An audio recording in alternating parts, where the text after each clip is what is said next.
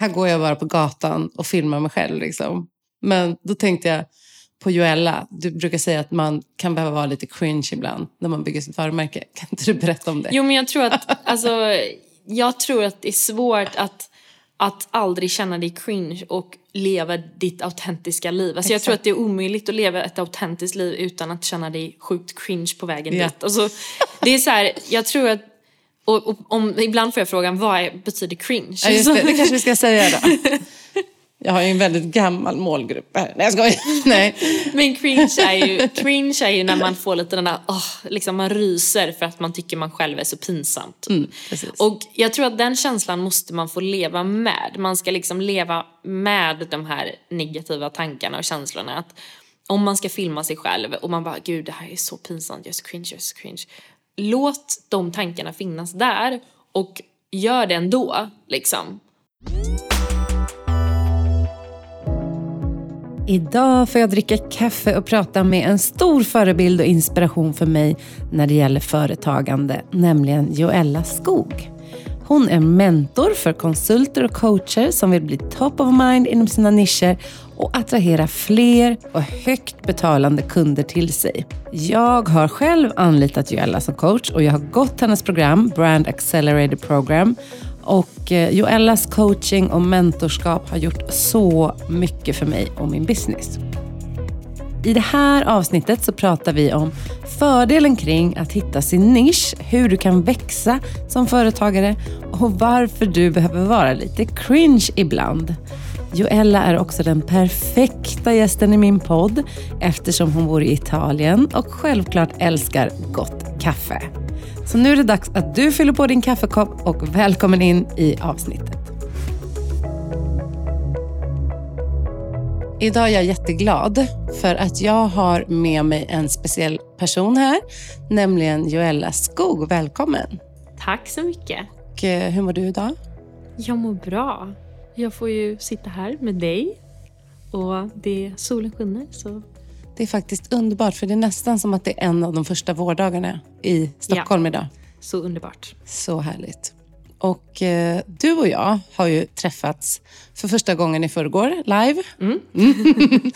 jag brukar berätta så här hur, hur jag har träffat gästerna och så tänkte jag så här, men Joella, det känns ju som jag har känt dig länge för vi har ju zoomat Ja. och hörts på Slack. Ja. För jag går ditt program, Yes. Brand Accelerator Program. Men i förrgår träffades vi live första gången när du hade en uh, mysig AV för oss som går i programmet. Alltså det är kul för att, på tal om lite det vi kommer gå in på idag också, men att jag märker ju att många av mina klienter är ju lika varandra och det var så kul att dra ihop folk och låta folk träffa varandra och eh, se att man har mycket gemensamt med varandra. Exakt, och det hade vi ju. Och det är så värdefullt, tycker jag också, att få, ja, men få bolla och ingå i det sammanhanget. Ja, Mm. jag håller med. Idag så ska jag prata med Joella om en sak som jag vet att många funderar över. Och det är faktiskt det här med att hitta sin nisch. Mm. Och som jag sa så går jag ditt program. Jag har ju varit en person som tycker det är ganska svårt att mejsla ut min nisch. För att jag är ganska bred. Jag har många olika projekt på gång i mitt företag.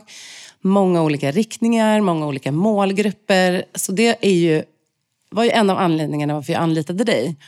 För jag har ju vetat om att jag vill mejsla ner min nisch. Jag vill vara mer fokuserad. Men jag har inte riktigt så här, hur ska jag göra? Jag vet att jag behöver någon som hjälper mig.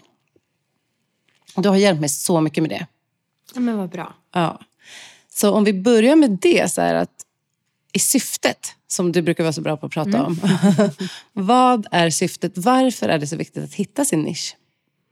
Så här tycker jag det är viktigt att komma ihåg att om man känner att man tycker det känns läskigt det här med nisch och att hitta sin målgrupp och vad ska jag nischa mig inom är att det handlar inte om att du ska bli liksom en sak. Det handlar inte om att du ska offra massa liksom andra passioner du har, bara välja en sak och fokusera på en sak.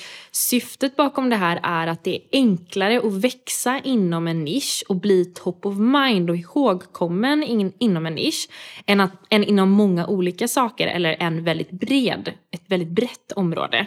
Ehm, så till exempel att vara en coach idag. Det finns väldigt, väldigt, väldigt många coacher där ute. Så vem är du coach för? Vad hjälper du folk med egentligen? Vad för resultat levererar du för dina klienter? Annars så konkurrerar ju du med alla coacher där ute istället för att typ äga ditt egna område och kanske vara den enda go-to-personen i den nischen.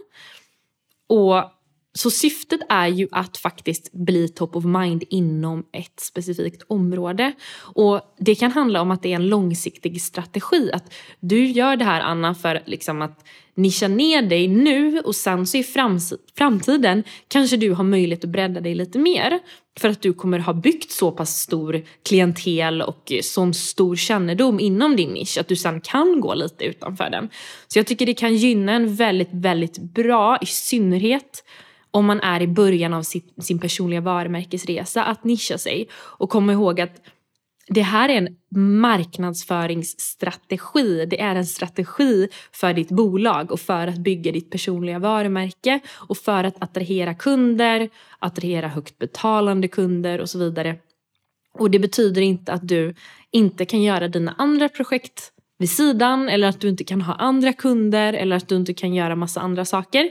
Utan det är en del av din marknadsföring kan man säga. För att lyckas med din marknadsföring och få kunder från din marknadsföring.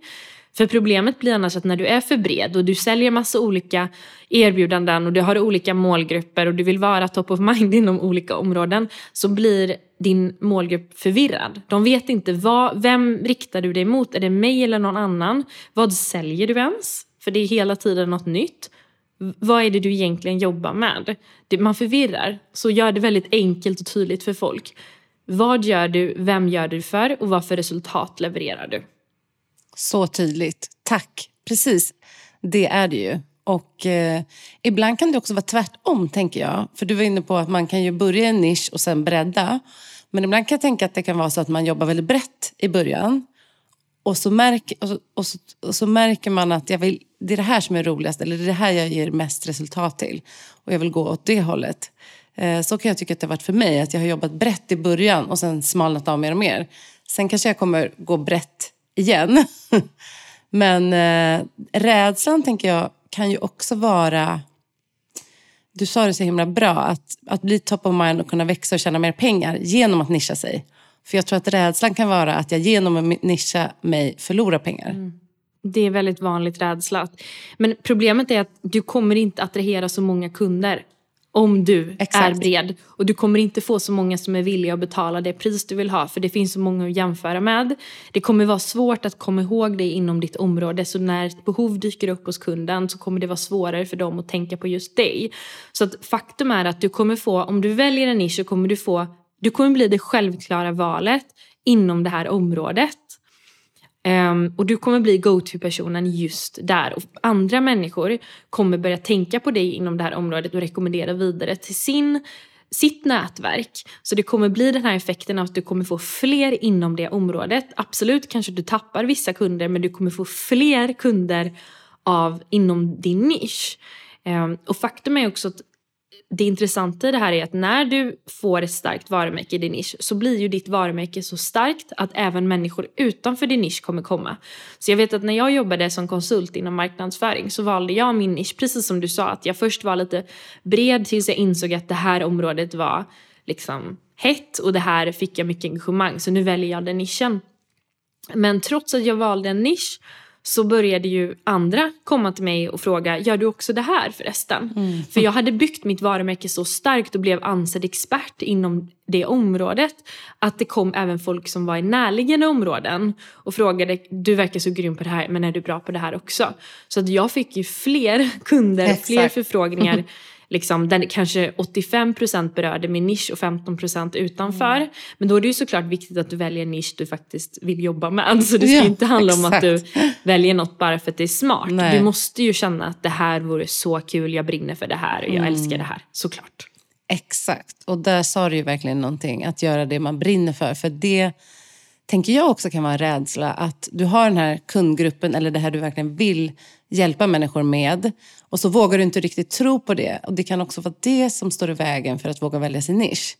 Att så här, kan jag verkligen få ha det så här himla härligt? Alltså, du har pratat mycket om att så här, vi vill jobba med dem vi älskar. Så känner jag ju också. Jag vill ju jobba med klienter som känns helt rätt för mig. Jag vill ha roligt på jobbet. Jag vill att det ska kännas meningsfullt. Och då att välja nisch, det kan ju vara den här tanken, kan jag ha det så här himla härligt? Att få jobba med de här människorna och att våga tro på det. Ja, det där är en sån viktig del av det för att det handlar inte bara om strategi och att göra rätt saker. Det handlar ju om att faktiskt genuint tro att det här är möjligt och jag kan göra det här. Och det handlar om att ha den självbilden av att jag kan åstadkomma det här och att börja från att kunna gå från noll. Alltså när jag startade mitt företag för tre år sedan. Jag hade inget personligt varumärke, inget nätverk, inga kontakter, ingenting. Alltså jag började från mm. noll. Jag byggt det här själv. Mm. Och jag har byggt mitt nätverk och det var ju också lite att jag kände från början att jag vet att jag kan lyckas med det här. Det är bara det att ingen vet. Alltså jag är, så att gå in i det här mindsetet. Yeah. Att jag tänkte från början att jag är en högt betald konsult, jag är en sjukt briljant mm. marknadsförare. Så här, att börja tänka på sig själv på det sättet och sen tänka att nu ska jag bara visa andra hur jag är. Ja, exakt. Att så här, jag är ju briljant på det här. Mm. Alltså, så här, då They just det... don't know it yet. Exakt. Du behöver bara gå ut där och visa det. Ja men precis, ja. så är det verkligen. Mm. Ja, så det är mm. verkligen så. Och nu minns jag inte vad din fråga var. ja, men just att våga gå på liksom lust och längtan mm. efter de vi vill jobba med. Och att inte bara tänka... Låt mig ta ett exempel. då. Uh, när jag börjat som coach så säger alla att du måste coacha företag för att tjäna pengar. Mm. Mm. För att du kommer inte liksom kunna leva på privatpersoner eller småföretagare. Eller alla säger, det, det var en luddig mening, men många säger det. Att så här, men ska du inte ha ett företagserbjudande? Och jag har ju haft det. Eh, men jag har insett att jag tycker mest om att hjälpa kvinnliga kreatörer och entreprenörer. Men i början så tänkte jag så här, men om jag släpper företagen, vad händer då? då? För det är ju en stor inkomst för mig. Eh, och sen började jag se runt omkring, men vänta, det finns ju massa coacher som bara jobbar med den här målgruppen och verkar kunna leva ett, ett gott liv. Så tänk om det där inte är sant. Tänk om det där jag måste göra inte är sant. Och jag, jag, kan verkligen relatera till det där. För att Jag jobbade ju också med företag förut och inom ett annat område visserligen. Men jag hade också den här känslan av att jag måste ha kvar mitt ena ben i näringslivet och stora bolag. För det är pengar och det är liksom, jag kommer bygga mitt bolag bättre och det blir bättre kredibilitet. Alltså massa sådana här tankar och att det inte finns mycket pengar hos småföretagare och jag vill inte jobba litet. Um, utan jag vill jobba stort på något sätt. Jag vill inte så här, pressa mina priser och sådana saker. Så att jag förstår det mindsetet och jag hör många som kommer till mig också att så här, nej men företag är min målgrupp för de har ju pengar. Exakt. Men jag tror att det vi har pratat om mycket mm. i programmet och är ju att i slutändan handlar det om det ena aspekten är att du älskar dina kunder och verkligen brinner för dem och vill jobba med dem. Det kommer ju märkas igenom. Jag hade kunnat jobba med en annan målgrupp men jag vill inte. Exakt. Eh, så det är en mm. aspekt. Och den andra är att i slutändan handlar det om, har du ett problem, alltså har du en lösning på någons problem och hur ont gör det problemet? Alltså hur ont gör det? För vem gör det mest ont? Om du har en lösning på problem för dig Anna till exempel, som jobbar med mm. många kreativa entreprenörer och, och mm. sådana här saker. Att vad är liksom deras smärta mm. i sitt företagande? Um, om du är lösningen på deras problem, om du kan hjälpa dem med deras utmaningar och deras problem som kan i sin tur göra dem lyckligare, mer framgångsrika och så vidare. Det finns inte ett pris på det. Nej, och, och jag har lärt mig det så mycket att mm. ibland kan det vara samma erbjudande och man ger det till en målgrupp som man vet har mycket pengar och de tycker så här, mm, det, inte, det låter dyrt. Och sen någon annan som inte har pengar och säger jag hittar pengarna på något sätt. Mm. Så det handlar inte om, det är så intressant Exakt. det där. Det handlar inte om hur mycket pengar du har. Och tänk själv liksom, om, om du skulle gå och köpa en, en läsk och de sa det kostar 100 kronor. Du hade säkert tyckt det här är helt sinnessjukt. Aldrig i livet där jag lägger 100 spänn mm. på en läsk. Nej, liksom. Nej. Eh, men om, om de kommer och säger här är ett glas champagne för 100 kronor. Självklart. Alltså, ja. För du har mm. en, ett ett, liksom, ett, du ser ju det som ett högre värde, ett glas champagne och en läsk, att det är väldigt olika värde på dem. Och du ser ju att det kommer addera större värde till att dricka det glas champagne än att du kan köpa en läskedryck för, för 100 spänn. Så det, det där är så på loss, alltså pengar, alltså den synen på pengar, det är påhittat. Mm. Och vi har alla olika bilder av vad som är värt och inte. Mm. Och i slutändan, om någon är lösningen på, det, på ditt problem, då är du villig att betala hur mycket pengar som helst. Jag menar, du som lyssnar nu, fundera själv, vad har du för utmaningar och problem i ditt liv eller ditt företagande? Om någon bara sa så här, jag har lösningen åt Exakt. dig och jag kan fixa det här mm. om du kommer till mig. Mm. Skulle du inte vara villig att bara investera hur mycket pengar som helst? Mm. Exakt. Och det där stora företaget med stor budget, de kanske inte känner att de, problemet är så stort. De kanske inte bryr sig tillräckligt mycket. Då spelar det ingen roll att de har liksom 30 miljoner i budget. För de kommer inte lägga de pengarna. Mm. De kommer inte ha viljan att lägga Nej. det. Nej, precis. Ja, men det där är så superintressant tycker jag. Just det med ekonomin och förutfattade meningar. Och liksom kopplat till att hitta sin nisch, att det också kan handla om att ta sig förbi, nu gör jag situationstecken, de här sanningarna som vi har fått till oss. Och om företagande och hur vi ska tänka och att också våga gå utanför normen. Det vet jag att du pratar mycket om i företagande överlag. Att liksom, ja, men också utmana de här sanningarna och utmana bilden av pengar eller vem som har råd och inte. Gud ja, för det, det, men det inser man ju också när mm. man säljer eh, erbjudanden som är mer premium. Alltså man, det handlar inte om att, hur mycket pengar någon har. Alltså, det är det som är så intressant, att pengar hittas. Ja. På något sätt hittar folk pengar om ja. de verkligen, verkligen vill. Sen vet du inte något om någons situation. Nej. Någon du inte tror har pengar kanske sitter på ett jättearv. Liksom. Ja, du har ju ingen aning om Nej. hur en person har det utifrån att titta på den personen. Exakt. Så du kan inte veta verkligen. någonting.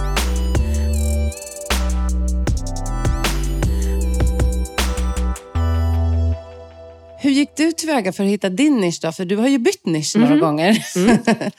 Exakt, ja. jag har bytt. För jag var ju konsult inom marknadsföring och då hittade jag min nisch initialt. Det var TikTok.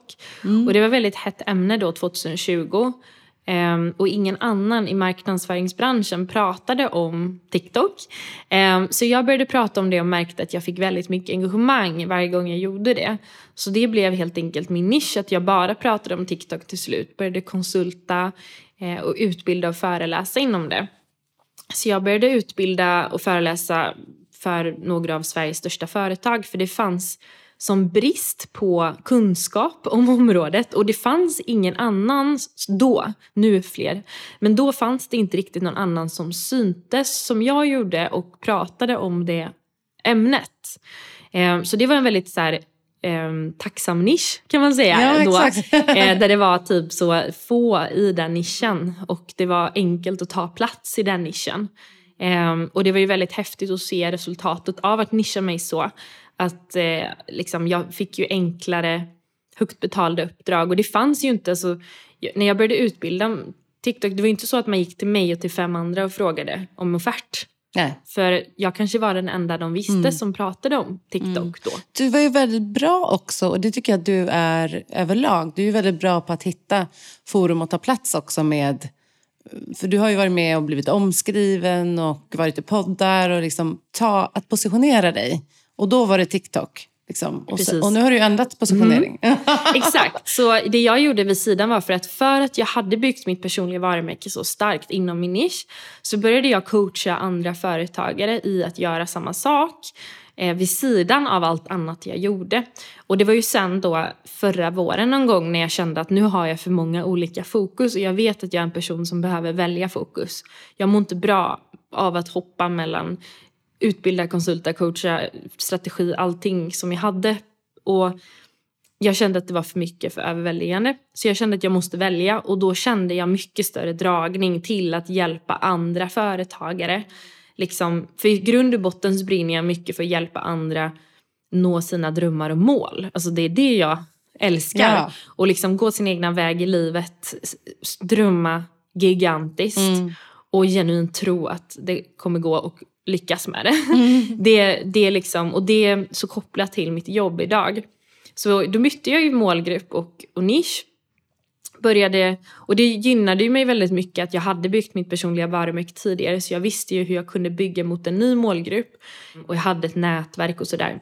Nu tänker man nog inte på mig alls kring liksom TikTok och sånt utan nu är det nog personligt varumärke. Det är det absolut. Ja. Och du hjälper så, också till med affärsutveckling. Mm, precis. skulle jag säga. Att det har ju du hjälpt mig med. Det är inte bara personligt Exakt. varumärke. Du Nej. har ju hjälpt mig med typ allt. Eh, Alla möjliga saker i mitt företag. Exakt, Ja. så det blir mycket mentorskap Mm. till mina klienter kring deras affärsutveckling och personliga varumärke, marknadsföring, sälj. Mm. Ehm, för det är ju det jag tycker är så himla kul. Att Mm. liksom hjälpa Ja. dig framåt. Och, Ja. ehm, så ja, så jag har justerat nisch och det har alltid varit en, en nisch. Och jag tror att, men man, kom, man får tänka på att det är en utveckling. Alltså, om du börjar från noll och du inte har ett varumärke, du har inga kunder eller så kanske du har kunder men det är ingen som riktigt vet vem du är och du har inte byggt så mycket. Alltså, tänk att du bygger någonting. Du behöver göra en plan. Alltså, fundera på vart du är på väg och kom ihåg att liksom, om fem år kanske du ser dig själv tala på en scen liksom, på en världskonferens eller någonting. Jag vet inte. Men hur kommer du dit? Liksom? Ehm, Älskar att du säger det här. ja, Och jag älskar det du sa innan också, att du kände att du bara, jag vill hjälpa de här eh, med företagande från TikTok.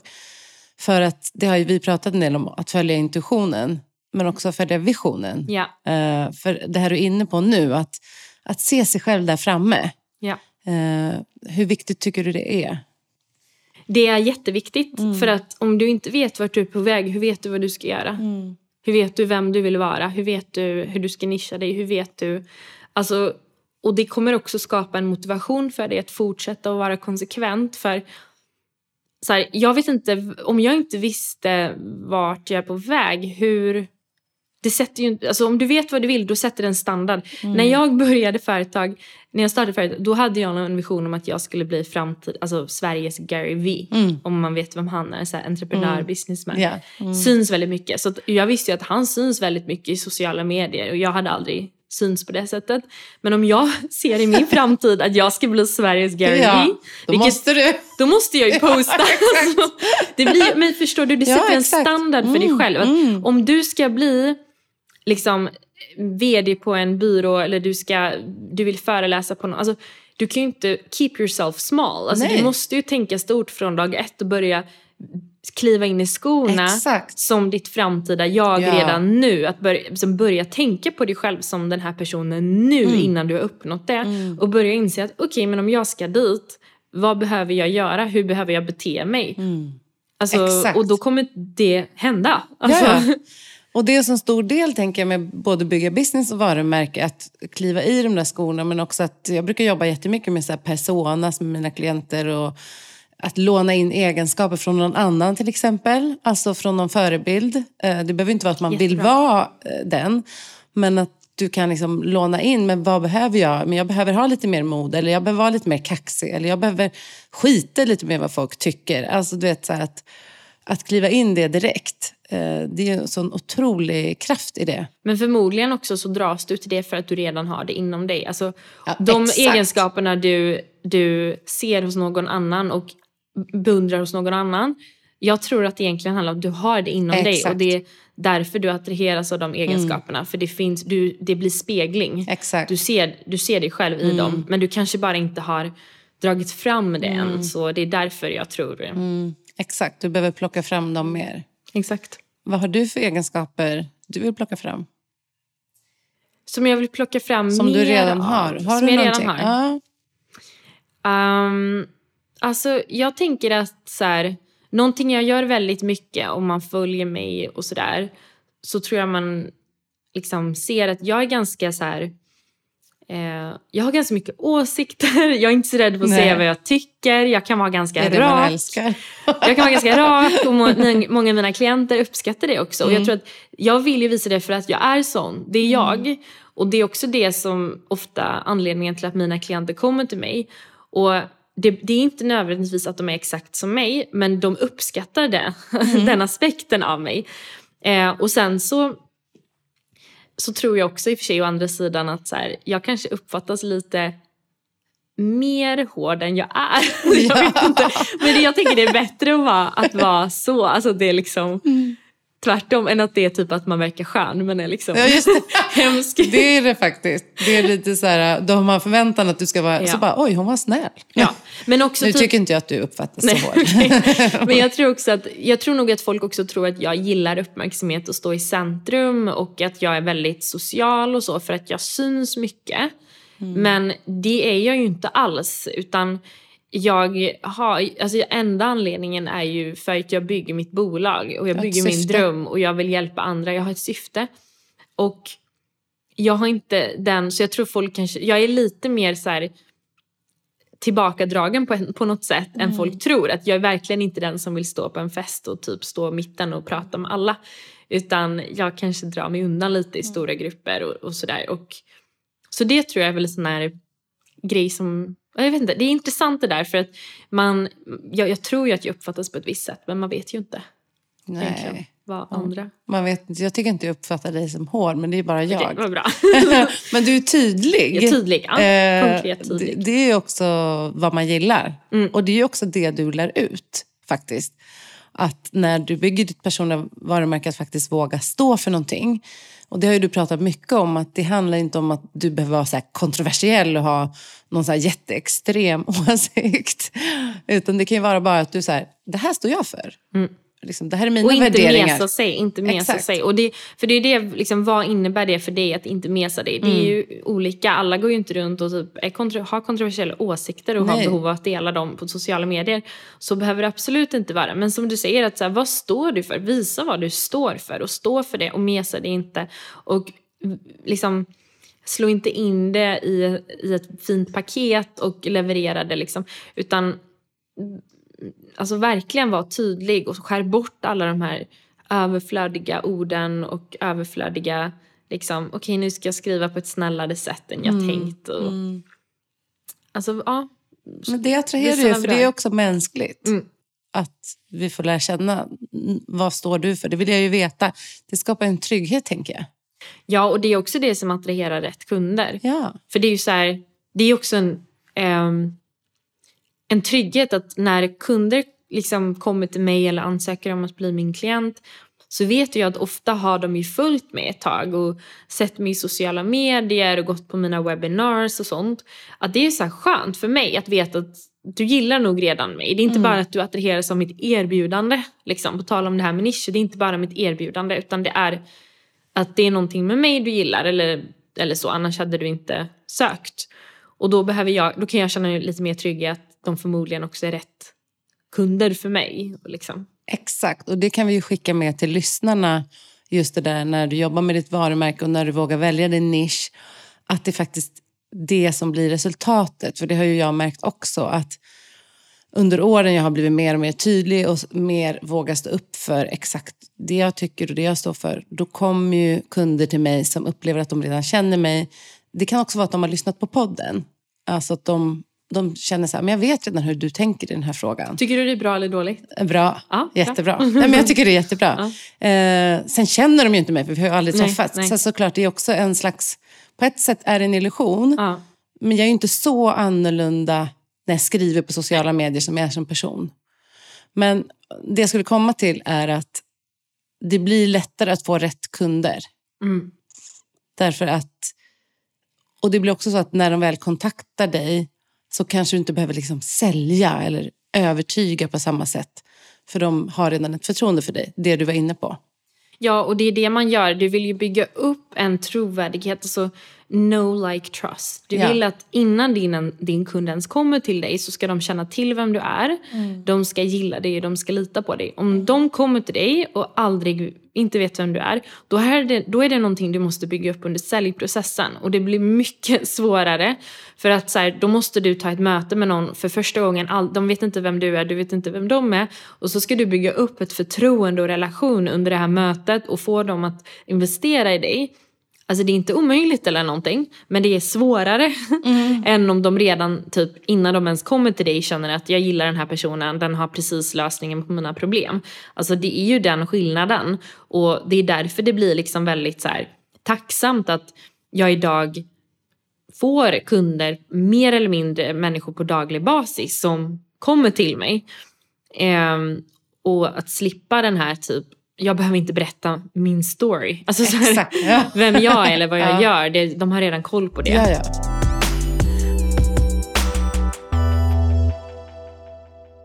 Sen när det gäller att bygga sitt varumärke så har du sagt en rolig grej, att man måste våga vara lite cringe också. Mm. Mm. Jag var med om det igår faktiskt. Jag gick och filmade mig själv på gatan och jag tänkte på dig då. Jag tänkte så här, okej Joella, nu är jag lite cringe här. Jag gick och filmade mig själv på gatan med ett fång tulpaner eh, på väg till lokalen. Och då hör jag en som ropar så här, looking good. när jag går där och filmar. Och då är det min gamla coworker Steve. Då kände jag att jag fick en liten så här blush. Att jag bara, gud vad pinsamt. Här går jag bara på gatan och filmar mig själv. Liksom. Men då tänkte jag på Joella. Du brukar säga att man kan behöva vara lite cringe ibland när man bygger sitt varumärke. Kan inte du berätta om det? Jo men jag tror att, alltså, jag tror att det är svårt att, att aldrig känna dig cringe och leva ditt autentiska liv. Alltså jag tror att det är omöjligt att leva ett autentiskt liv utan att känna dig sjukt cringe på vägen Ja. dit. Alltså, det är så här, jag tror att och, och, om, ibland får jag frågan, vad betyder cringe? Ja, just det. det kanske vi ska säga då. Jag har ju en väldigt gammal målgrupp här. Nej, jag skojar. Nej. Men cringe är, ju, cringe är ju när man får lite den där, åh, liksom man ryser för att man tycker man själv är så pinsamt. Mm, precis. Och jag tror att den känslan måste man få leva med. Man ska liksom leva med de här negativa tankarna och känslorna. Att om man ska filma sig själv och man bara, gud det här är så pinsamt, jag är så cringe, jag är så cringe. Låt de tankarna finnas där och gör det ändå. Liksom. Och sen bara, ja skitsamma. För sen nästa gång, alltså ju mer du gör det, sen kommer det där vara normalt för dig och du kommer inte tycka det är cringe. Alltså man vet ju när man var yngre kanske, alltså jag var i alla fall sån, man tyckte ju mycket man gjorde var pinsamt. Alltså man kunde Exakt. skämmas lätt och så här, Ja, ja.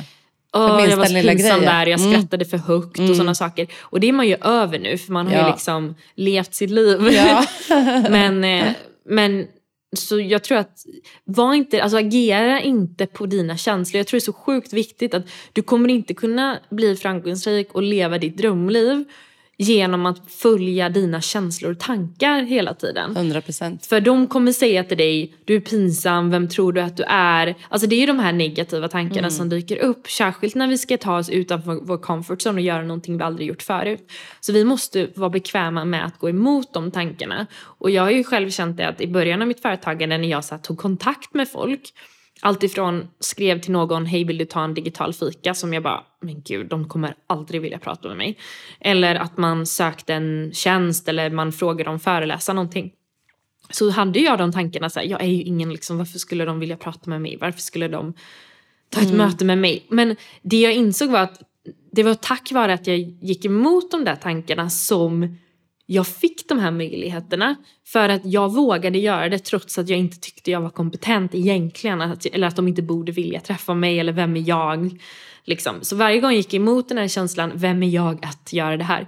Då gav det ett bra resultat. Så nu är jag ju väldigt så här, nu kan jag ju känna att så fort jag känner det här motstånd, att det blir nästan en indikation för mig att göra det. Att om jag känner så här, men gud vem tror du att det är? Oh, nu, nu får jag den tanken, bra. Den ska jag följa. Nu ska jag, så det har, jag har nästan lärt min kropp Ja. att det inte ska vara bekvämt. Samma här faktiskt. Och det, det är verkligen så intressant. För att det är ju att du får ju också bevis efter ett tag på att du, det gick bra då. Ofta är det ju så. Att du, du får ett bevis på att okej det här funkade, jag fick det här mötet eller jag fick den här kunden. Eller det var bara mina tankar som spökade. Men om du aldrig går emot dem så kommer du aldrig få det beviset. Precis, och sen får du, då får du det beviset och sen gör du det om och om igen så blir det bekvämt Ja, ja. i din comfort zone. Och helt plötsligt har du gjort den här grejen och har massa testimonials, nöjda kunder låt Mm. oss säga. Och, och du bara oj nu har jag coachat så här många människor och, nu har jag, och det här började bara med en idé och som, där jag gick emot mina tankar. Ja, ja, precis. Ja. Vad har du då? För nu är jag nyfiken på dig. Vad är liksom din nästa stretch? För du stretchar ju din comfort zone hela tiden. Har du någonting nu som är så här, okej, det här är nästa nivå för Joella?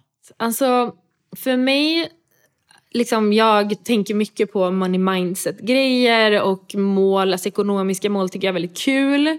Så nu tänker jag mycket på sådana ekonomiska mål. Att så här, komma upp till en miljon i månaden. Oh, wow. Mm. Eh, det har jag ju satt nu som så här, intention. Mm. Eh, och det, så det, då går jag utanför min comfort zone att typ tänka, börja tänka det. Men snart kommer det vara i min comfort zone mentalt. Mm. Och sen kommer jag komma dit. Liksom. Så det är en, en, en intention och ett mål. Um, och sen så också har jag funderat my- mycket på, okej okay, men allt handlar inte bara om ekonomiska mål eller bygga bolag utan andra, att skapa andra miljöer som till exempel fysiska grejer, alltså eh, vare sig det är event eller sådana saker. Det är ju lite utanför min comfort zone för jag är väldigt bekväm framför datorn eh, på Zoom. liksom. Det, det är ju ja. det jag gör hela tiden men att ta mig utanför min comfort zone och göra lite mer grejer i verkligheten, att nätverka i verkligheten eh, har jag också intention att göra mer av eh, med andra entreprenörer som så här, hitta sammanhang med framgångsrika entreprenörer och inspireras av dem och mm, liksom mingla med dem och ins- och inspireras istället för att bara sitta online och liksom Exakt. leva online. Så, så det, det är också utanför min comfort Mm. zone. Ja, för det kan ju också vara ett skydd. Ja. Att man är skyddad liksom bakom datorn och så vänjer man sig vid det. Och behöver gå ut och träffa alla på Ja, riktigt. exakt. Träffa folk på riktigt och kunna ha den, kunna bära den, alltså grupper till exempel online eller i verkligheten är olika liksom, sätt att hantera. Så att, att kunna hantera det eller kunna leda människor på det sättet, eh, det är ju en... Det är så intressant, för, du är ju, för många är det ju tvärtom. Mm. Att, jag menar, när pandemin kom så var det ju mer att alla var vana att ha grupper live och gå, bli bekväma vid online. Du gör the, the reversed. Ja exakt, liksom- jag började ju Ja, online. så exakt. jag var såhär, jag har föreläst mest online jag Ja. coach. Alltså, För mig var det ju, det är ju min bekvämlighetszon så att, att nu gå till IRL liksom, blir en utmaning. Men, eh, men också så här ser jag fram emot att i framtiden, eller jag har en, en kollega nu också, men att ha ett eh, mindre team med mig och då kommer det bli utanför min comfort zone att släppa in folk i mitt företag. Ge dem ansvar och, och leda människor. Just det. Så det som inte är mina klienter utan som är liksom, och det ser jag fram emot men det vet jag kommer bli en liksom, ut, En utmaning. ja, en Mm. utmaning och sen också ehm, en annan utmaning eller en, en comfort zone är ju att vara väldigt lugn mentalt och trygg mentalt hela tiden oavsett hur företaget går. Här för säger jag- du något viktigt faktiskt. Ja, för jag, jag har liksom insett att så fort det går bra så blir jag så här sjukt glad och pepp. Och så fort det går lite sämre eller segt så blir jag lite stressad. Och det jag insåg var då att jag behöver jobba mer med liksom lugnet. Att jag, min lycka, mitt välmående ska inte påverkas av hur mitt företag går. Jag ska må bra ändå. Det här Alltså, tror jag så många känner igen sig Mm. i också. Så det är viktigt att ta upp, tänker jag, i podden. För att det ser jag också i mina klienter och även hos mig själv. Det mentala kan svänga beroende på hur det går. Eh, och eh, precis, hur, ska, hur gör du det? Ja. Vad har du för strategi? Eller jag har du någon? Mm. Det, det, vet du vad? I grund och botten, strategi, ja, det handlar om tillit. Det handlar om Exakt. att jag tror att kunderna kommer. Mm. Jag tror att det kommer bli bra. Jag vet att jag är på rätt väg. Jag vet att det här kommer ge resultat. Mm. Det handlar om att fortsätta att vara konsekvent och ha tillit. Och också våga släppa och inte tro att du kan kontrollera situationen genom att till exempel Okej, nu går det lite sämre i företagandet så nu ska jag jobba mer eller jag ska ta, Ja. kon- ta kontakt med hundra personer.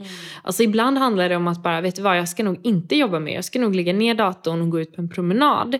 Så att våga gå emot den här känslan av att jag får, jag blir rädd och nu ska jag kontrollera situationen. Exakt. Och det, och det, för det blir ju jag, också ett försvar. Ja. Att man tänker att man ska ta kontroll. Ja. För att då vet jag att jag kan få de här pengarna. Eller... Exakt. Men ibland så kan det ju pågå massa saker bakom kulisserna. Det vet ju vi. Att du vet ju inte vilka som sitter och tittar efter dina erbjudanden. Eller du vet ju inte att ingenting händer fast du släpper taget. ja. Men det kan ju vara lä- läskigt. Ja, och det, det jag tror jag kom till insikt till också var där Mm. att alltså, vi är entreprenörer. Vi lever inte i säkerhet. Alltså, vi kommer nog aldrig, det spelar ingen roll om vi kommer till liksom 10 miljoner per år eller whatever. Alltså det, vi kommer inte känna det här känns säkert och tryggt Nej. nu och jag är chill. För att faktum är att vi vill ju inte ha det så. Nej. Det är ju därför vi lämnade. Liksom. Det är därför vi är entreprenörer. För Mm. Ja. att vi vill ju egentligen ha lite ostabilt Mm. och osäkert. För att det finns ju en annan sida av det och det är ju alla otroliga möjligheter och vad, hur mycket fantastiskt Exakt. som kan ske. Men då finns det alltid andra myntet är ju att det kommer vara osäkert, det kommer komma sämre tider, du kommer bli stressad. Men det vi kan göra då är att inte låta det påverka oss mentalt och ändå så här, okej det går upp och ner men jag går inte upp och ner. Företaget kan gå upp och ner. Men Så liksom, att jobba med tillit och Ja. sitt eget tillstånd är det Ja. ju. Att hålla sig lugnt. Ja, det där är, det är superviktigt.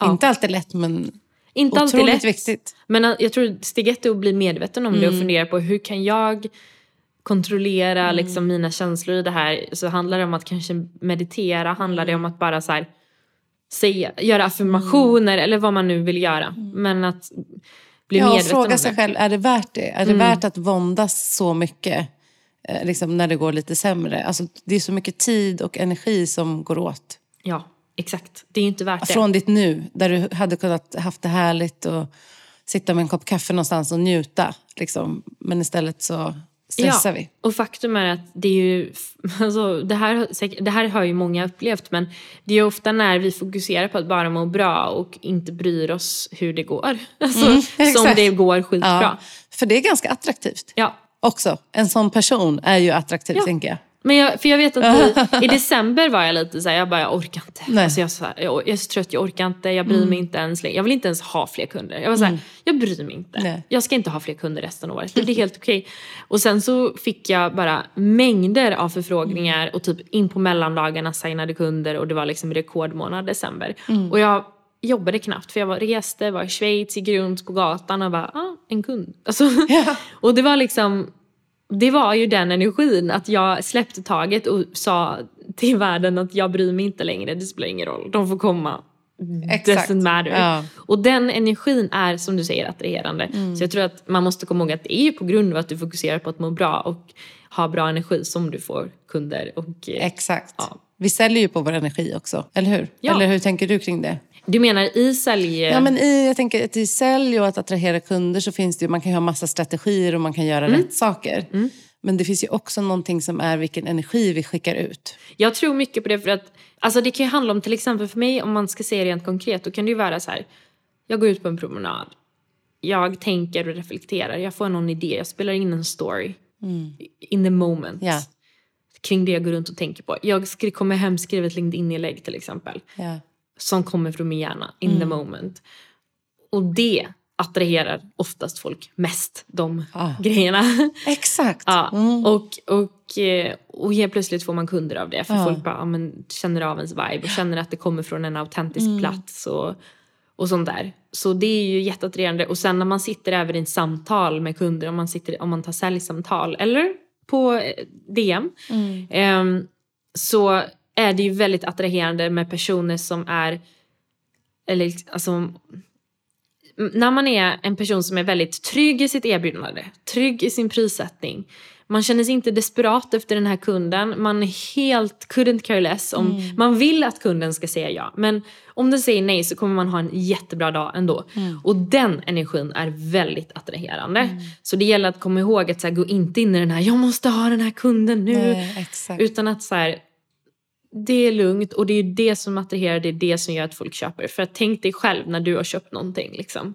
Har det varit för att någon så här, försökte Exakt. sälja och liksom kände, lite, kände som att de du var lite ska göra på? den en, en tjänst att du se- Ja, köper. precis. Att, Ja. liksom, eller folk som så här, du vet, skriver på sociala medier ibland, jag behöver uppdrag nu. Eller så här, jag har panik efter Mm. Ja. mina ekonomi, så snälla köp från mig. Ja, alltså, det är så här, ja. nej, så, här, Mm. så det är väldigt attraherande energi att eh, bara så här, jag vill verkligen jobba med dig men om du inte vill jobba med mig så är det okej. Det, är finns fine. andra.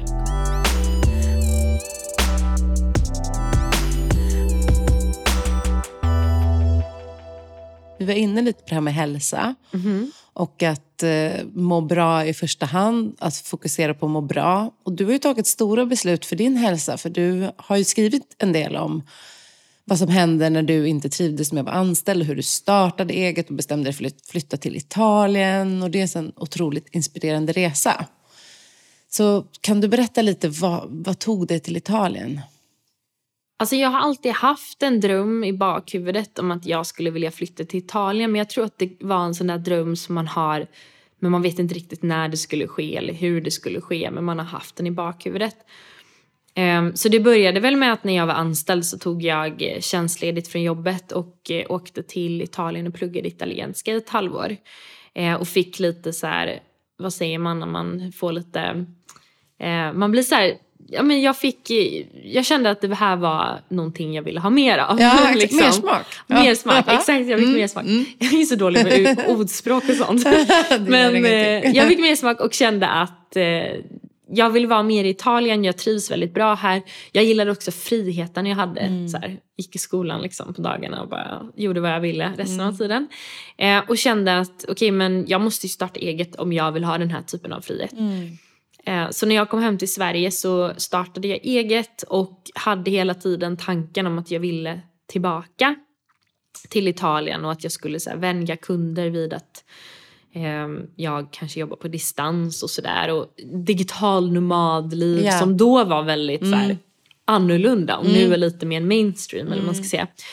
Men jag hade också någon sån här tanke om att jag ville ju också bli framgångsrik inom mitt yrke. Och jag såg inte riktigt någon som, alltså jag såg de här digitala nomaderna som hängde på stranden och typ mm. sålde grejer online för mm. att typ sustain sin livsstil. Mm.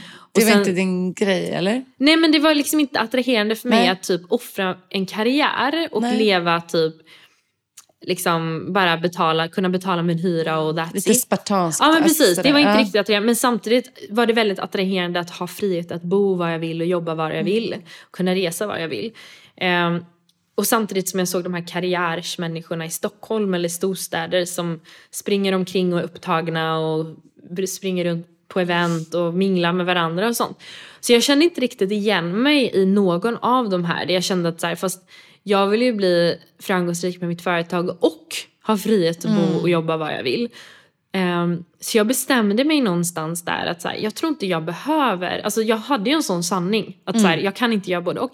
Men jag, jag började liksom se emot den här sanningen och började tänka att det kanske inte behöver vara så här. Alltså jag kanske kan bli framgångsrik med mitt företag och ha väldigt mycket frihet att jobba vad jag vill och när jag vill. Det kanske är möjligt liksom. Mm. Låt mig köra på det mm. Så jag drog till Italien hösten 2021 och var ganska öppen med snabbt att så här, jag måste ju berätta att jag inte är i Sverige så inte man blir så här, jag försökte, tänkte först att jag skulle dölja det för att vara helt ärlig. För jag låtsas som att, det, ja, men låtsas att jag är i Stockholm typ. Och sätta så här virtual background på ja, Stockholm. Ja men precis, jag bara, här sitter jag. Men eh, men liksom, jag gick ut som bara, jag säger det här nu för då vet folk att jag inte är i Sverige. Alltså det är så här. Och det inlägget gick viralt. Helt sjukt viralt på mm. LinkedIn. Mm. Det var typ 400 000 visningar. Oh, wow. Eh, mm. Eh, där jag skrev typ man behöver inte bo i en storstad för att lyckas. Jag, jag sitter här i Italien och coachar och föreläser och det går bra. Mm. Eh, och det, det gjorde också att jag kände så här, men gud det här är ju någon sån här mänsklig, jag tror så många människor drömmer om frihet, mer mm. frihet i sina liv. Så det här måste vara någonting som hit home hos många. Mm. Eh, samtidigt som jag insåg sen ju mer jag skrev om det här att jag attraherade ju typ fler kunder till mig på grund av det här. Mm. Vare sig det var coachingkunder som attraherades av att jag levde det här livet. Men också stora bolag och liksom som tyckte så här, skitbra att du gör det där, så inspirerande. Jag gjorde också sånt när jag var Det var ung. inga problem att du var på distans Nej, för dem? Nej, det, det var du inga hade problem. trott var ett jag problem? Jag trodde det var ja. ett problem. Men det var inte alls ett problem. Nej. Så att det var liksom att jag bara, jag kommer inte komma till Sverige, jag jobbar på distans. Och, mm. Så jag fick ju knappt sådana förfrågningar utan jag fick ju nästan bara förfrågningar från folk som redan visste att jag var i Italien. Mm. Och kom med förslag att jobba med så distans, liksom, konsultuppdrag, föreläsningar. Och när jag väl fick fysiska förfrågningar om fysiska grejer så tackade jag ju nej till det. För mm. att så här, jag kommer inte dra till Sverige bara för det liksom. Um, och det är fine för att sen kommer något annat så det är bara att tacka nej till det som inte känns aligned. Liksom. Mm. Um, och, det, och jag var verkligen så här, så jag såg att det här funkar ju. Jag, jag jobbar ju, jag har ju kunder, jag får ju uppdrag trots att jag är i Italien och faktiskt ibland på grund av. Just alltså, det, det blev en ja, USP. det blev en USP liksom. Ja. Och det var ju det som idag också nu när jag är mentor för företagare som ofta är det ju många som vill ha mer frihet och vill komma ifrån konsultuppdrag mm. där de sitter på kontoret. Exakt. Eh, eller vill ha mer, tjäna mer pengar, kunna ha mer tid över och sånt där. Och det jag insåg var att så här, jag följde ju det för jag ville ha det för mig själv. Och, och nu kan jag ju se, alltså jag insåg det att jag har ju skapat det här. Det här var ju en Mm. vision jag såg ingen annan göra. Det är klart det finns folk som gör det. Mm. Men jag såg ingen. Och jag kände att så här, fast nu inser jag att jag är ju mer framgångsrik. Mm. Liksom, har än någonsin. skapa och det. jag har Ja. mer frihet än någonsin. Mm. Och det, går- det går. Mm. Liksom. Och det började med att bara tänka, jag tror det är möjligt. Jag vet att jag inte Exakt. ser det någonstans. Jag har ingen förebild att titta på. Men jag tror det är möjligt. Mm. Ja, men det visar ju på att du verkligen har skapat ditt liv och ditt yrkesliv och the, power of visualization. Ja. Liksom, att se sin vision. Ja. Och att även om du inte kunde se det hos någon annan så skapade du det starkt hos dig själv. Ja. Uh, och, och genom det kunde du hitta lösningar. Men har du alltid varit så bra på att hitta... För du känns som en som liksom ganska direkt går in i så här, okej jag har inte sett någon göra med det, men hur kan jag göra det möjligt? Mm. Gud vad intressant. Jag har, har jag alltid varit sån? Ja, eller har du inte. utvecklat det på senare år? Jag tror säkert att jag har utvecklat det på senare år. Ehm, att man börjar ifrågasätta. Mm. Att liksom man har massa idéer och tankar om hur livet är eller hur, vad som är möjligt och vad som inte är möjligt. Och sen börjar så här, hmm, är det här sant? Alltså jag tror att alla behöver göra det. Absolut. Och jag tror också det är en väldigt, så här, jag är väldigt filosofisk, ja men jag gillar att läsa filosofi. Så jag tror att man börjar, jag, börjar, jag reflekterar väldigt mycket. Jag skulle säga att jag gör det väldigt mycket varje dag. Så då tror jag att det kanske börjar där, att ifrågasätta, men gud stämmer det ens? Var kommer det ifrån? Varför tror jag att det är så här? Varför tror jag att jag måste bo i Sverige för att bli framgångsrik? Eller så här, Ja, ja. Varför tror jag att jag måste gå på fysiska möten? Varför tror jag att jag måste sitta hos kunder? Är det en sanning jag skapat för mig själv och följt den sanningen? Eller är det kanske inte sant? Och då tror jag att dels ska man titta på andra och inspireras av vad andra gör och se att men de gör det, då är det möjligt. Men börja med att så här, ifrågasätta dig själv. Alltså, ifrågasätt allt du tror och gör. Och det kanske låter lite extremt men alltså, det är en del av ens personliga utveckling och att hitta vad man vill och vem man är. Att så här, ifrågasätt allt. Ja, liksom. men det är så otroligt häftigt att du har hamnat där du är idag. Och nu har du sålt din lägenhet också. Ja, exakt. Så nu har du ingen bostad Nej, längre i nu har jag Sverige. inte ens någon, eh, någonting exakt nu är jag hemlös här. ja, men Det kommer att ordna sig. Ja.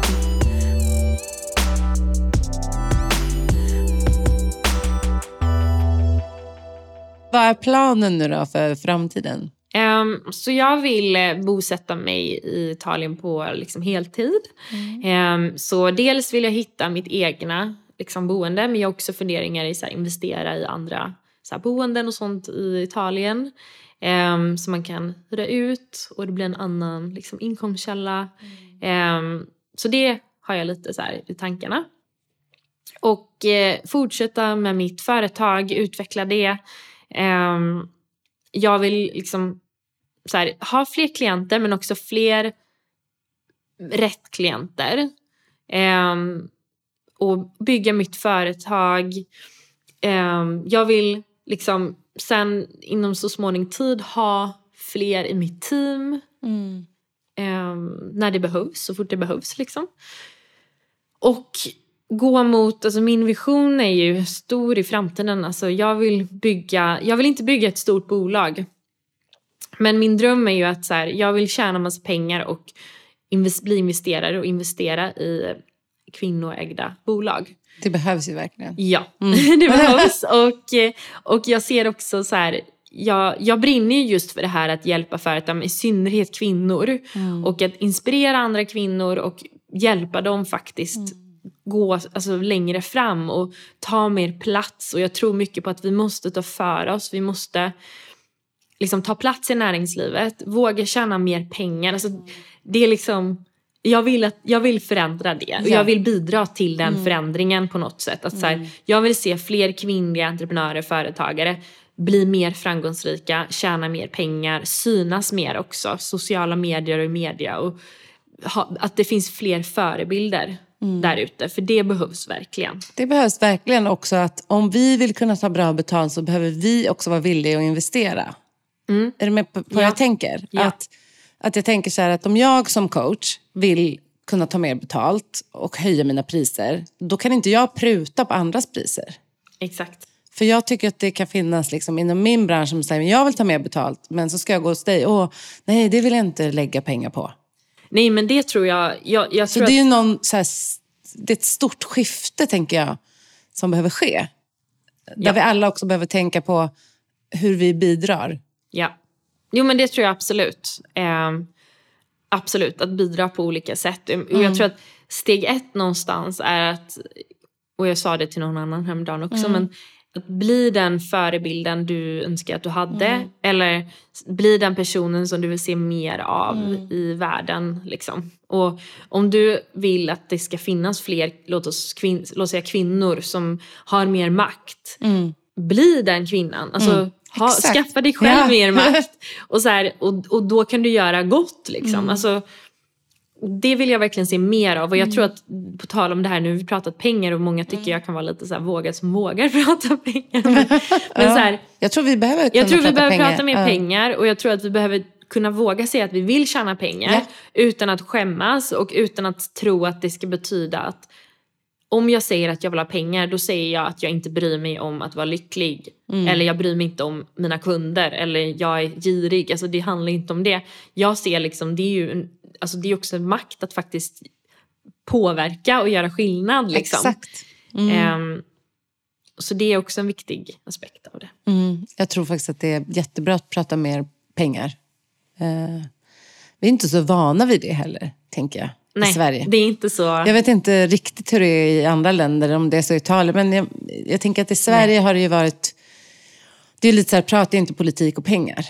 Ja, Mm. men jag tror så här, jag följer en del amerikanska entreprenörer och jag så här, min mentor är amerikaner och- jag är en amerikansk community. Så jag, Mm. där är det så vanligt att så här säga typ, jag nådde så här mycket omsättning Exakt. den här månaden och Ja. Mm. nu betalar någon mig. Så att jag är så van vid att se det nu och det hjälper ju mig. För att när jag ser någon annan prata om det, då känner jag ju, men då kan jag nog också komma dit. Eller det där Mm. Exakt. Mm. vill jag ha. Eller så vill jag att det ska vara. Så, så jag tror att det kan ju vara bra Mm. på det sättet. Istället, för helt ärligt, det är också lite så här, vi är ju, alltså nu vet jag inte om alla som lyssnar på den här podden är företagare men Men många är det. många är det. Och vi är ju företagare och vi har ju företag för att vi tjänar pengar. Varför vi låtsas vi som något annat. Alltså, börja titta på hur mycket du drar in varje månad och mät din omsättning och sätt mål och våga tänka hur mycket du vill omsätta i år och nästa år. Och liksom istället för att säga ja, ja, jag fakturerar och det kommer väl in och sådär och jag håller inte koll. Utan så här, ha koll på din ekonomi och liksom Ja, herregud. Ehm, och våga sätta mål. ja. Och tro inte att du behöver offra något för att nå det målet. För jag vill inte, alltså det är inte så att jag vill ha alla klienter för att nå ett visst omsättningsmål. Alltså jag är ju så här selective. Ja. Så att det vill jag fortsätta vara. Och fortfarande nå omsättningsmålet liksom. Och det behöver inte vara en motsättning. Det är väl det som är Precis. hela grejen. Att vi behöver inte prata om det som att det är en motsättning. Nej. För Det kan vara både och. Du kan ha ashärliga klienter och tjäna bra med pengar. Ja, Du behöver inte ha otrevliga klienter för det. nej exakt. Men jag tror att det är den tron liksom. Att, Ja. här, att bli framgångsrik eller tjäna mycket pengar, det är olyckligt. Och jag tror att vi har vuxit upp också med sånt i media liksom. Jag vet. Eh, särskilt karriärskvinnor, att det är alltid så här, de här karriärskvinnorna i filmer Mm. ja. är olyckliga, eh, singlar Ja. och jobbar hela tiden. Ger och, upp allting annat. Ja, Ja. och offrar sina barn och allt sånt där. Ja. Och, eh, och det är ju det vi vuxit upp med. Så jag tror att det är därför vi behöver se mer.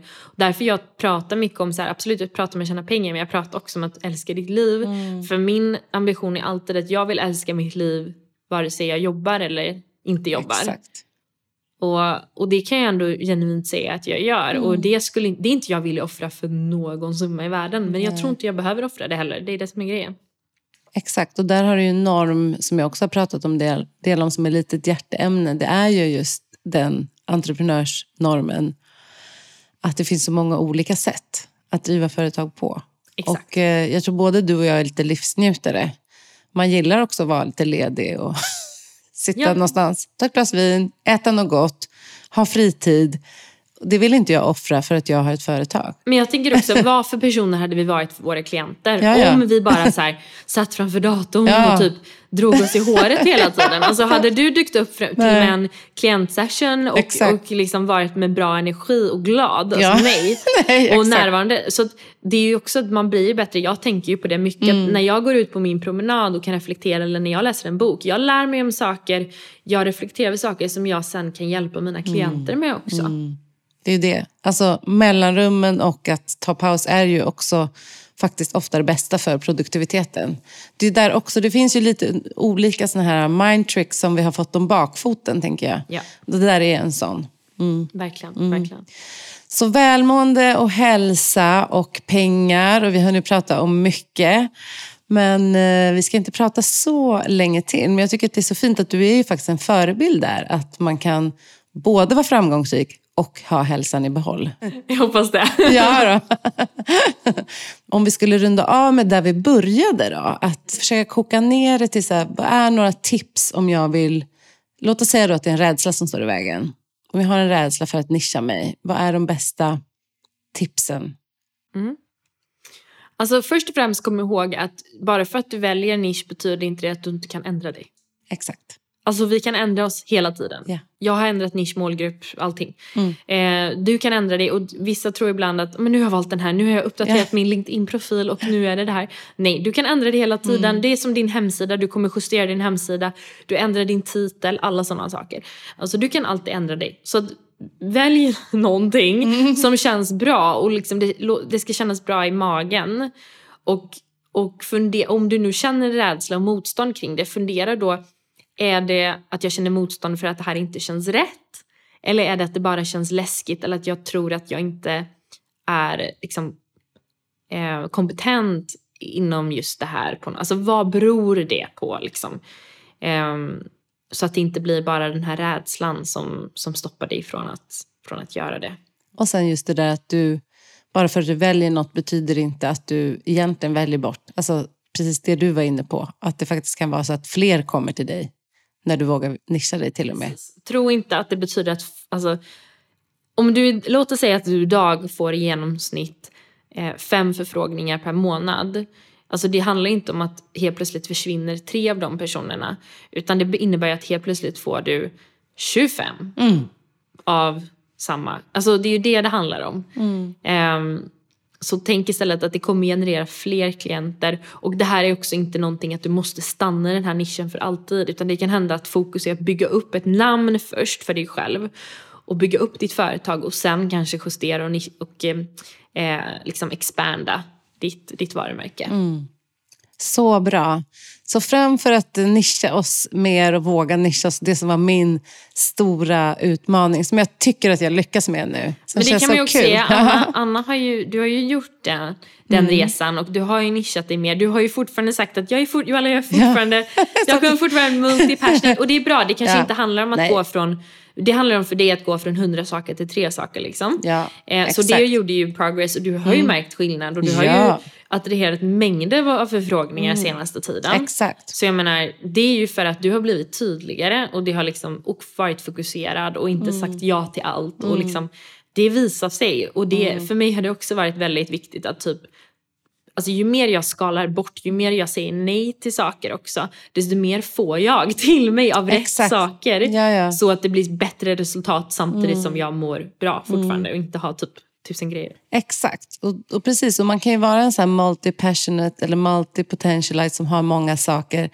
Men man kan också fråga sig hur många som blir hållbara. Och det här har jag jobbat med jättemycket själv. Och det är inte en slump att jag har velat nischa mig. För jag känner ju också att det blir för splittrat när jag håller på med tusen saker. Sen är det ju så här, jag vill ha podden, jag vill jobba med mina klienter, jag vill ha med musik. Men jag kanske inte också då behöver föreläsa till exempel. Alltså att jag, För till exempel om du ska föreläsa och du, Mm. du, då kommer du spendera, låt oss säga att du spenderar två arbetsdagar på att förbereda dig. Mm. Exakt. Det är tid du hade kunnat lägga på att sälja och marknadsföra ditt program till Exakt. Mm. exempel. Så att så här, det blir lite eh, och energi och, Mm. och istället så tas den energin till någonting annat som egentligen kanske inte är enlighet med dina långsiktiga Exakt. Mm. mål. Så har jag i åtanke, vad är mitt långsiktiga mål? Vart är jag på väg? Så att valen du gör idag och uppdragen du tar och förfrågningar, att det är strategiskt liksom ta dig närmre Mm. dit du vill komma. Och att man inte tänker att jo, men jag vill ju vara på en helt annan plats om ett år. Men jag fortsätter med det jag gör nu. Liksom. Jag Exakt. fortsätter på samma sätt Ja. men det kommer inte ta mig närmre. Du måste börja ta stegen för att komma närmre dit du vill befinna dig. Exakt. Så bra. Men du, hur fortsätter din dag idag då när vi avslutar här? Har du något kul på gång? nu ska jag förmodligen glida hem till en kompis snabbt på Söder, säga hej. Eh, sen så ska jag in i en mastermind med liksom min mentorgrupp som jag är med i. Och sen ikväll ska jag förbereda mig inför en masterclass jag håller imorgon. Ja, om just det, den är imorgon. Bättre, ja, om ja. att ta bättre mm. betalt. Mm. Tyvärr kommer ju den redan ha varit när det här sänds så att säga. Annars hade vi bjudit in er. Men är det någonting du tycker att jag har glömt att fråga som du vill förmedla till lyssnarna? Nej, jag tycker du har varit liksom on point där. Och att jag, också det här med att jag tror att när det, vare sig det kommer till att välja nisch, målgrupp, sälja tjänster, hur du, vad du vill. Alltså verkligen det viktiga är att bli i kontakt med sin inre röst och sin intuition mm. och känna efter. Alltså du ska inte gå med någonting för att det är strategiskt bra men det känns bara nej, nej, nej i hela din själ. Liksom. Utan lyssna på den där alltså magkänslan och vilken typ av person vill du hjälpa? Vem vill du jobba med? Och blir du taggad på det här, tanken på det här. Det är ju så det ska kännas. Mm. Liksom. Och lyssna på dig när du känner att, om du börjar övertala dig själv och säga att men det är pengar, det är ändå bra, jag kan skriva ja. det på CVt, mm. jag kan då, har, då, då, berättar du inte, då säger du inte saker som kommer från hjärtat, du säger bara saker utifrån. Mm. Så det måste komma från hjärtat. Mm. Liksom. Så det är både intuition och strategi? Mm. Liksom. Ja, det måste 100%. finnas med. 100 procent. Ja, ja, Eller hur? Mm. Vet du vad jag ska göra nu? Vadå? Jag ska gå på så här aperitivo här bredvid. Ooh. Ja, så jag kör lite Italian, Ita style. Italian style mellan 16 och, och 18. Åh ja. gud, vad härligt. Jag och Kristin. Men eh, så om man vill hitta dig då Joella, för jag tänker att folk kanske vill följa dig. Yes, mm. man kan följa mig på Instagram, heter jag branding Joella. Mm. Och på LinkedIn, Joella Skog. Men gud, ursäkta. Det här blir så roligt. Jag har verkligen inte stängt av någonting. Ursäkta poddlyssnaren, det blir extra spänning idag. det är kul. Det är sånt här man inte ska klippa bort, för sånt här tycker jag är roligt. Ja, exakt. Det, det, det är så här, chocken. Okej, vi tar det igen. Eh, branding Joella på Instagram, LinkedIn. LinkedIn Joella Skog. Ja. Två O och ett H på slutet. Ja. Det var någon som ringde och ville typ prata med dig direkt. här. Ja, precis. Bara, Va? Som branding Joella? Så här, kundförfrågning. Man strömmar in direkt. Nej men vad kul. Tack så hemskt mycket för att du kom hit idag. Tack för att jag fick komma hit. Det var hit, jättekul. -mm. Ja. Vi ses en annan dag. Det gör vi. Mm Tack till er som har lyssnat. Hej då.